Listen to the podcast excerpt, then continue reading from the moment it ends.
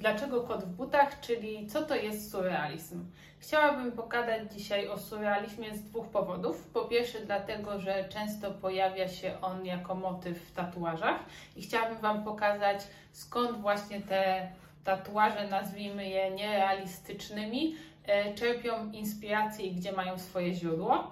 A po drugie, dlatego, że kocham surrealizm, absolutnie. Na początek odpowiedzmy sobie na pytania co, kto, jak i dlaczego. I właśnie na pytanie co, czyli co to jest ten surrealizm? Surrealizm, czyli sama nazwa, powstała ze zbitki dwóch francuskich słów, czyli sur i realizm. Sur po francusku oznacza na, nad, na przykład sur la table, na stole, e, a realizm e, to podobnie jak w języku polskim realizm, czyli rzeczywistość. Zatem surrealizm będzie odnosił się do wszystkiego tego, co nierzeczywiste, nierealne i żeby łatwiej sobie to było uporządkować, to surrealizm można wrzucić do szufladki z marzeniami sennymi, ze snami i właśnie ta nierzeczywistość e, ze snów, która jest zawsze dziwaczna, taka niejednoznaczna, była i jest inspiracją dla twórców surrealistycznych. O przykładach już za chwilę, ale skoro odpowiedzieliśmy sobie na pytanie co, to odpowiedzmy sobie teraz na pytanie kto. I tutaj musi pojawić się André Breton, francuski pisarz, poeta i krytyk sztuki, e, którego możemy uznać za przywódcę e, ruchu surrealistycznego, który powstał e, w XX wieku. I André Breton stworzył trzy manifesty surrealistyczne. Manifest, czyli taka deklaracja wyjaśniająca stanowisko danej osoby w konkretnej sprawie. Tak na przykład Marx i Engels napisali manifest komunistyczny. I co tam w tym manifestie? A więc przede wszystkim opis tego, czym jest surrealizm, ale co ważne, opis tego, wobec czego surrealizm staje w kontrze, przeciwko czemu występuje, tak jak to jest w przypadku manifestów. Y, I André Breton wyszedł z założenia, że ludzie jemu współcześni są w ogóle beznadziejni. I cytując jego, i chciałabym zacytować, żeby się nie pomylić, ludzkość charakteryzuje ubóstwo moralne i intelektualne podporządkowane codzienności. I jak ja interpretuję te słowa, e, i wydaje mi się, że najłatwiej je będzie zinterpretować, porównując je do naszej rzeczywistości, to mam wrażenie, że André Breton odnosił się do takiego trochę Janusza w klapkach Kubota i w koszulce na ramionczkach, który idzie do roboty, a po robocie wraca, pije browarka i siada przed telewizorem. Tak sobie wyobrażam, że André Breton w taki sposób widział sobie współczesnych, określając ich właśnie w ten sposób. I chyba to, co leżało na sercu André Bretonowi, to to, że e, skupiając się na rzeczywistości, zatracamy umiejętność kreatywnego myślenia i rezygnujemy z korzystania z naszej wyobraźni, a właśnie to jest podstawą surrealizmu, ponieważ surrealizm polega na łączeniu ze sobą e, elementów, które pozornie do siebie nie pasują, bądź też modyfikowanie ich w taki sposób, w jaki w rzeczywistości nie dałoby się e, ich zmodyfikować. No, ja tu gadam, gadam, ale co znowu z tymi przykładami? Breton może i mianował się przywódcą e, ruchu surrealistycznego, ale niewątpliwie postacią, którą będziemy najbardziej, podejrzewam, wszyscy kojarzyć, jeżeli chodzi o surrealizm, jest Salvador Dali. I nawet on sam powiedział kiedyś, parafrazując słowa Ludwika XIV, Króla Słońce, e, że surrealizm to ja więc jakby też e, mianował się trochę królem tego, tego ruchu. I jak to jest w przypadku wielu grup, kiedy są w niej, jest w niej kilku charyzmatycznych liderów, to prędzej czy później taka grupa się rozpada i tak też było w przypadku ruchu surrealistycznego we Francji w XX wieku.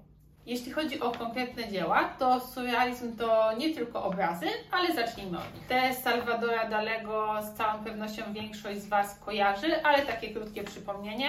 Na przykład trwałość pamięci, czyli ten bardzo popularny motyw z roztapiającymi się zegarami, czy płonąca żyrafa, czy też e, Galatea sfer niebieskich. E, tytuł pochodzi od imienia Gali, czyli żony Dalego.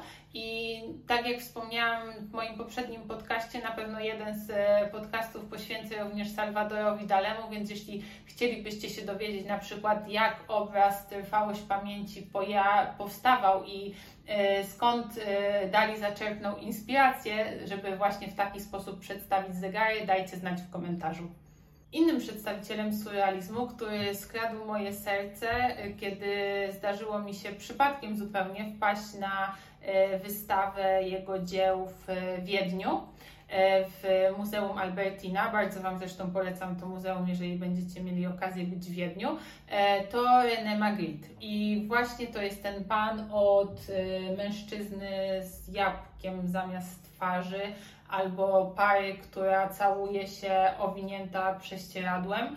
I co do tego, e, co do tego obrazu, e, jest też ciekawa historia związana z życiorysem René Magritta, więc jeżeli byście chcieli też o nim usłyszeć kilka słów, dajcie znać w komentarzach. I to chyba dobry moment, żeby poprosić Was o subskrypcję mojego kanału, o Wasze komentarze, opinie i o dawanie lajków. Dzięki.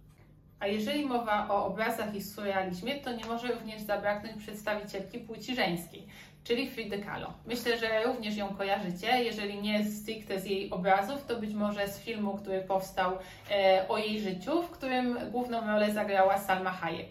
I ciekawostką jest to, że Frida została wrzucona do tego koszyka e, surrealistycznego, no, najprawdopodobniej ze względu na, na jej obrazy, ale co ciekawe, ona sama odcięła się od tego ruchu, mówiąc, że ona wcale nie maluje obrazów surrealistycznych, tylko że ona maluje swoją rzeczywistość, swoje życie, bo tak je widzi, jak przedstawia je na tych obrazach. I chciałam się pochwalić, bo ja też jakiś czas temu stworzyłam taki surrealistyczny rysunek i to jest mój pan ryba. Yy, I właśnie o to chodzi w surrealizmie, żeby, tak jak powiedziałam na początku, łączyć ze sobą elementy, które pozornie do siebie nie pasują, czy też yy, tworzyć rzeczy, które nie powstałyby w rzeczywistości. No i właśnie ubrałam pana rybę w garnitur i dodałam mu ludzkie serce, żeby pokazać, że yy, ryby też mają uczucia, i też musimy o nie dbać. Ale surrealizm to nie tylko rysunki i obrazy i chciałabym zacytować Wam teraz fragmenty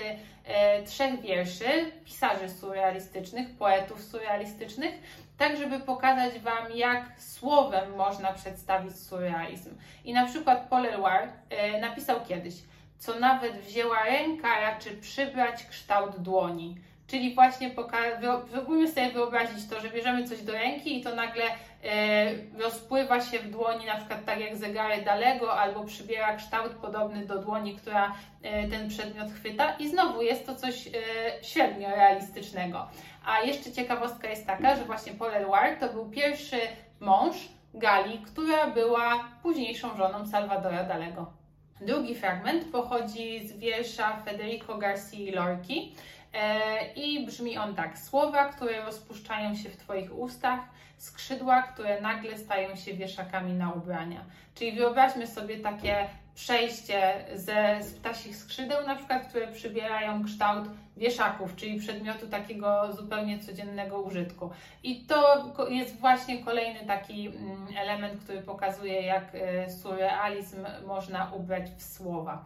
I co ciekawe jeszcze, ciekawostka musi zawsze być, e, Federico Garcia Lorca, e, zgodnie z tym, co można przeczytać w biografiach Salvadora Dalego, był również jego partnerem, kochankiem. Od taka historia. Skoro powiedziałam na początku, że surrealizm to nie tylko obrazy, a ja nie rzucam słów na wiatr, e, to chciałabym Wam wspomnieć również, że surrealizm może mieć swoje odzwierciedlenie poza poezją, także w filmie. I o ile się nie mylę, pierwszym filmem surrealistycznym był film stworzony przez Luisa Buñuela. Był to jego debiut reżyserski, a jeżeli chodzi o scenariusz do tego filmu, to współtworzył go również Salvador Dali.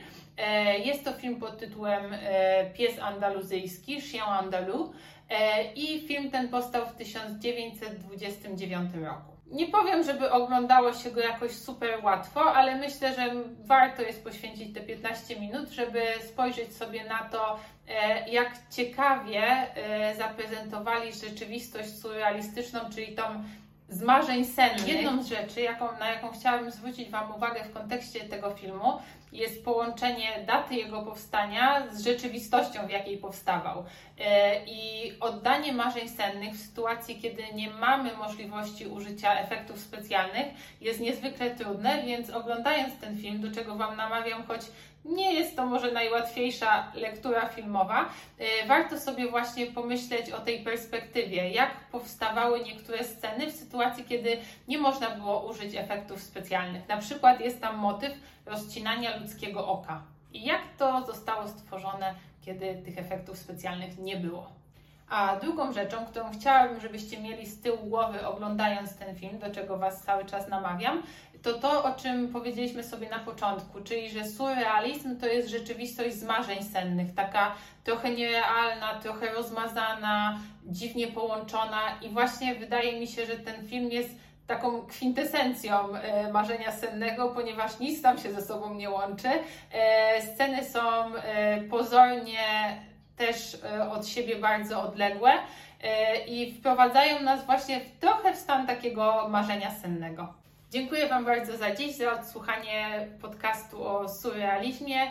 Zapraszam do komentowania, do dzielenia się swoją opinią i będę wdzięczna również za subskrypcję i łapki w górę.